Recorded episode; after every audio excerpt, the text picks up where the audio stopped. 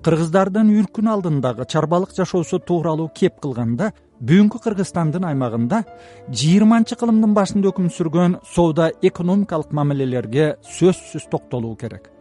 Анан да кыргыздардын турмушун орто азия элдеринен бөлүп кароо мүмкүн эмес. Себеби ал кезде чөлкөмдөгү элдер арасындагы карым катнаш азыркыдан алда канча ургаалдуу жана тыкыз болгон. Элдер арасындагы экономикалык катнаш соода менен мүнөздөлөт бул жагынан алганда жыйырманчы кылымдын башында кыргызстандын түндүк бөлүгү олуята верный пишпек пржевальск аркылуу ал жагы ортолук россия жана сибирь менен ташкентке чейин ошондой эле кашкарга чейин соода жүргүзгөн. Ички эң маанилүү почта жолу пишпек каракол тракты жана көт малды нарын тракты болгон пишпек каракол жолундагы он төрт бекетте соодагерлер менен жолоочулар эс алып аттарын алмаштырып уккан көргөндөрүн бөлүшүп турган.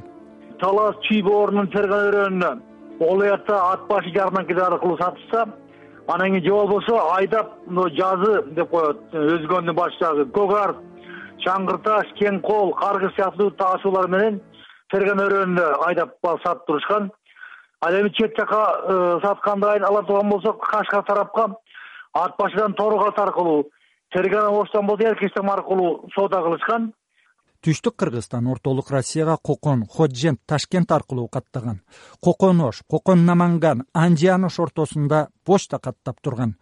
Орус падышалыгы кыргызстанды басып алып өз колониясына айланткандан кийинки соода экономикалык мамилелердин абалы профессор ташмамбет кенесариевдин айтымында оторчулардын кызыкчылыгына багыңкы болгон. Биринчиден кыргызстан э, орусиянын колониясы болчу да. Муну типтүү колония деп атап жүрөбүз. Ар кандай метрополия колониялардын бири ар тараптуу өнүгүп кетишин каалабайт. Ал метрополиянын э, кызыкчылыгын канааттандыруга тура турган гана абалга жеткенге чейин гана өнүктүрөт андан ары өнүктүрбөйт да. Ошондуктан кыргызстан дагы орусиянын колониясы катары орусиянын өнөр жайын орусиянын ошол мезгилдеги соода саясатын ошонун талаптарын канааттандырган деңгээлге гана чейин өнүктүргөн да. Ошондуктан муну бир жактуу өнүктүрүү деп гана айтыш керек ал кезде кыргыздар негизинен ат төө эшекке жүктөп соода кылган. Ташкентке каттаган кыргыз соодагерлер жөнүндө ал токомбаевдин солдат элек повестинде да баяндалат. Бир миң тогуз жүз он үчүнчү жылы пржевальск менен пишпек уездорунун кыргыздар жашаган бөлүгүндө эки жарым миң дүкөн жана башка соода жайлары болгон. Бир миң тогуз жүз он бешинчи жылы анжиянды жалал абад менен бириктирген темир жол пайдаланууга берилген. Бул арийне жалал абаддын экономикалык маанисин көтөргөн жыйырманчы кылымдын башынан тартып петербург менен москвага кыргызстандан эт жибериле баштайт. Мисалы бир миң тогуз жүз алтынчы жылы петербург менен москвага токсон тогуз миң үч жүз жыйырма эки баш мал жөнөтүлсө бир миң тогуз жүз он экинчи жылы бир жүз кырк эки миң сегиз жүз алтымыш эки баш мал жөнөтүлгөн.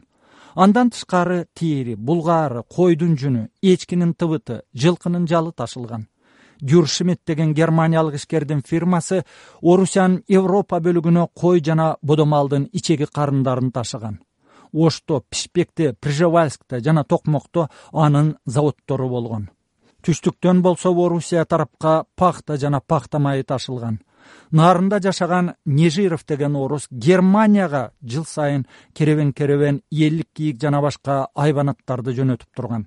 Бул ишкер совет бийлигинин алгачкы жылдары кызылдар тарабынан үй бүлөсү менен түгөл атылып кеткен.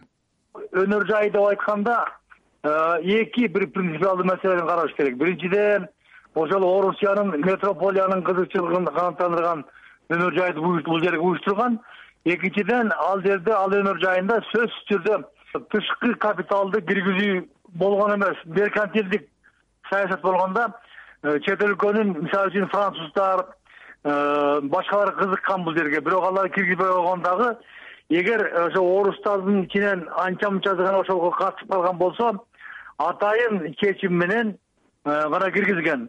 Мына мисалы үчүн таш көмүр кен боюнча франциялык леват деген кишинин бир миң тогуз жүз алтынчы жылы чыгарган ошол бир концерни коому ошол ферган өрөөнүнө кирет.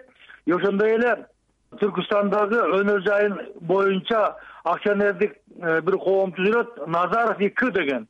Бул бир миң тогуз жүзүнчү жыл. Назаров деген бул өзү орус киши ошолордун ошонун катышуусу менен гана түзүлгөн. Мына ушул экөө гана ошол тиги ферган өрөөндө кыргызстандын чөлкөмдөрүндө аракеттенген десе болот. Булар ошол негизинен ошол сүлүктү таш жана кызыл кыя көмүргенин иштеткен да.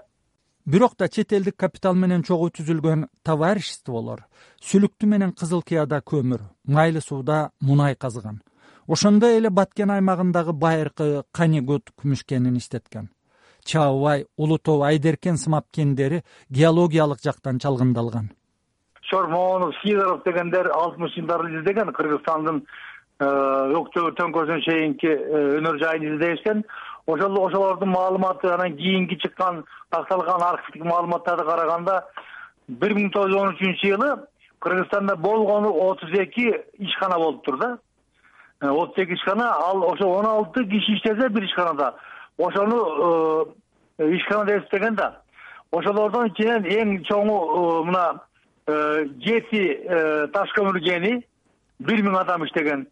Эки нефти өндүрүүчү ишкана эки пахта завод э, жети э, жүндү э, жуучу заводдор эки тери заводу эки май чыгаруучу завод эки пиво кайнатуучу завод.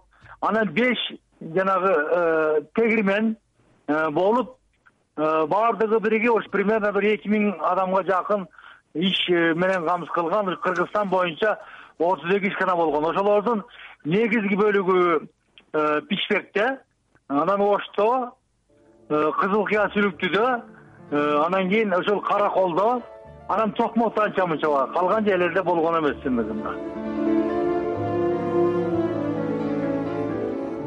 сиздер үркүн алдындагы кыргыздардын экономикалык абалына арналган берүүнү угуп жатасыздар совет заманына чейин кыргызстандагы эң ири өнөр жай ишканалары түштүктө жайгашкан. Ташманбет кенесариевдин айтымында кызыл кыяда беш жүз токсон сегиз жумушчу сүлүктүдө эки жүз жети жумушчу иштеген.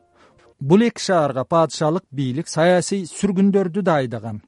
Ош шаарындагы ири ишканалардын бири пиво кайнатуучу завод болгон.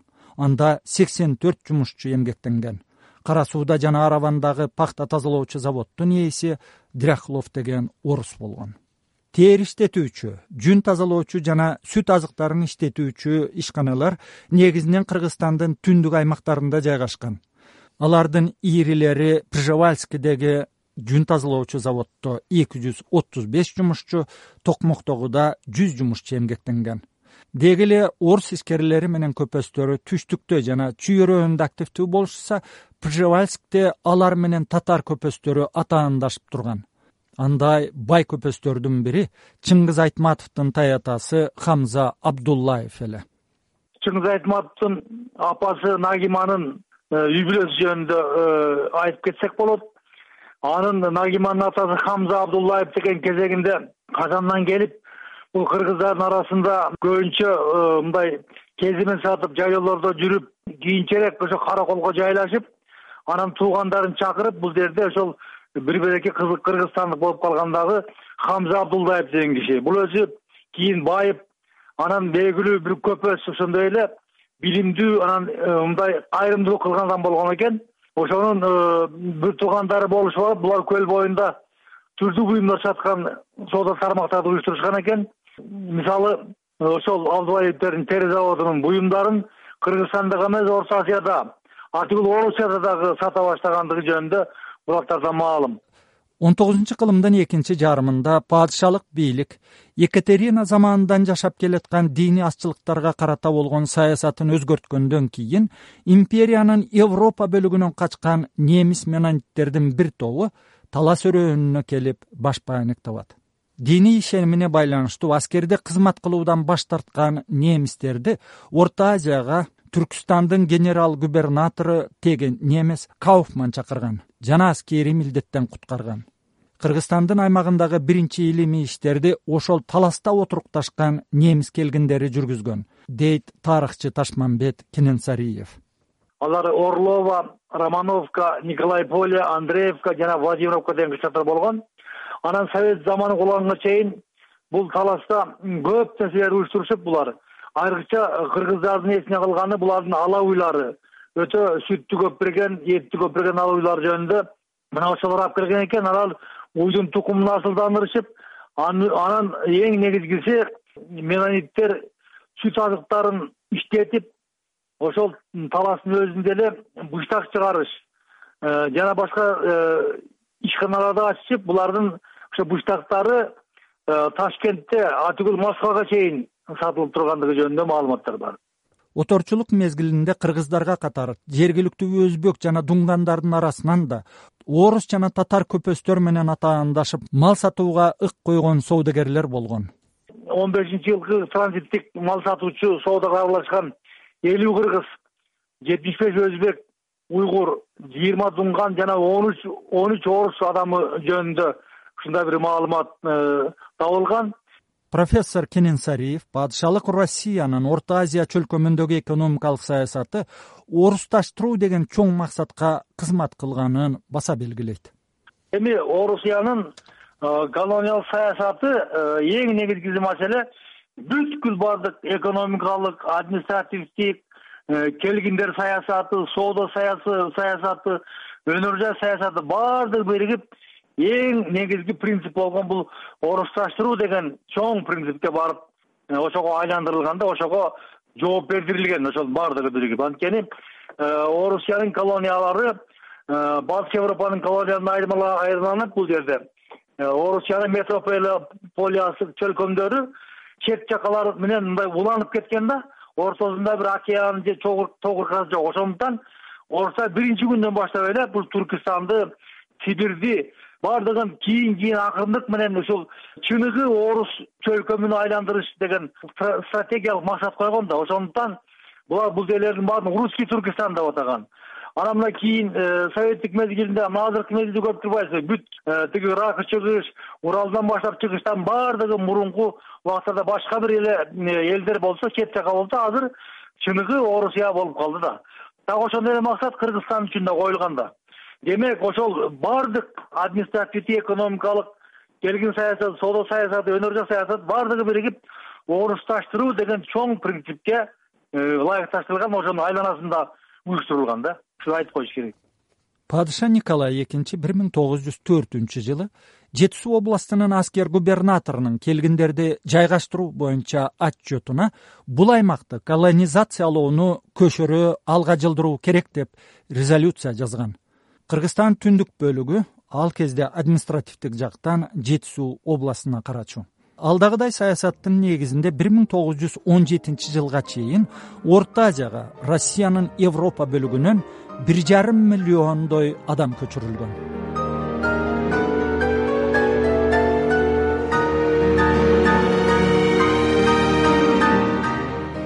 жыйырманчы кылымдын башындагы же бир миң тогуз жүз он алтынчы жылкы үркүн алдындагы кыргыздардын экономикалык абалына арналган берүүнү амирбек азам уулу даярдады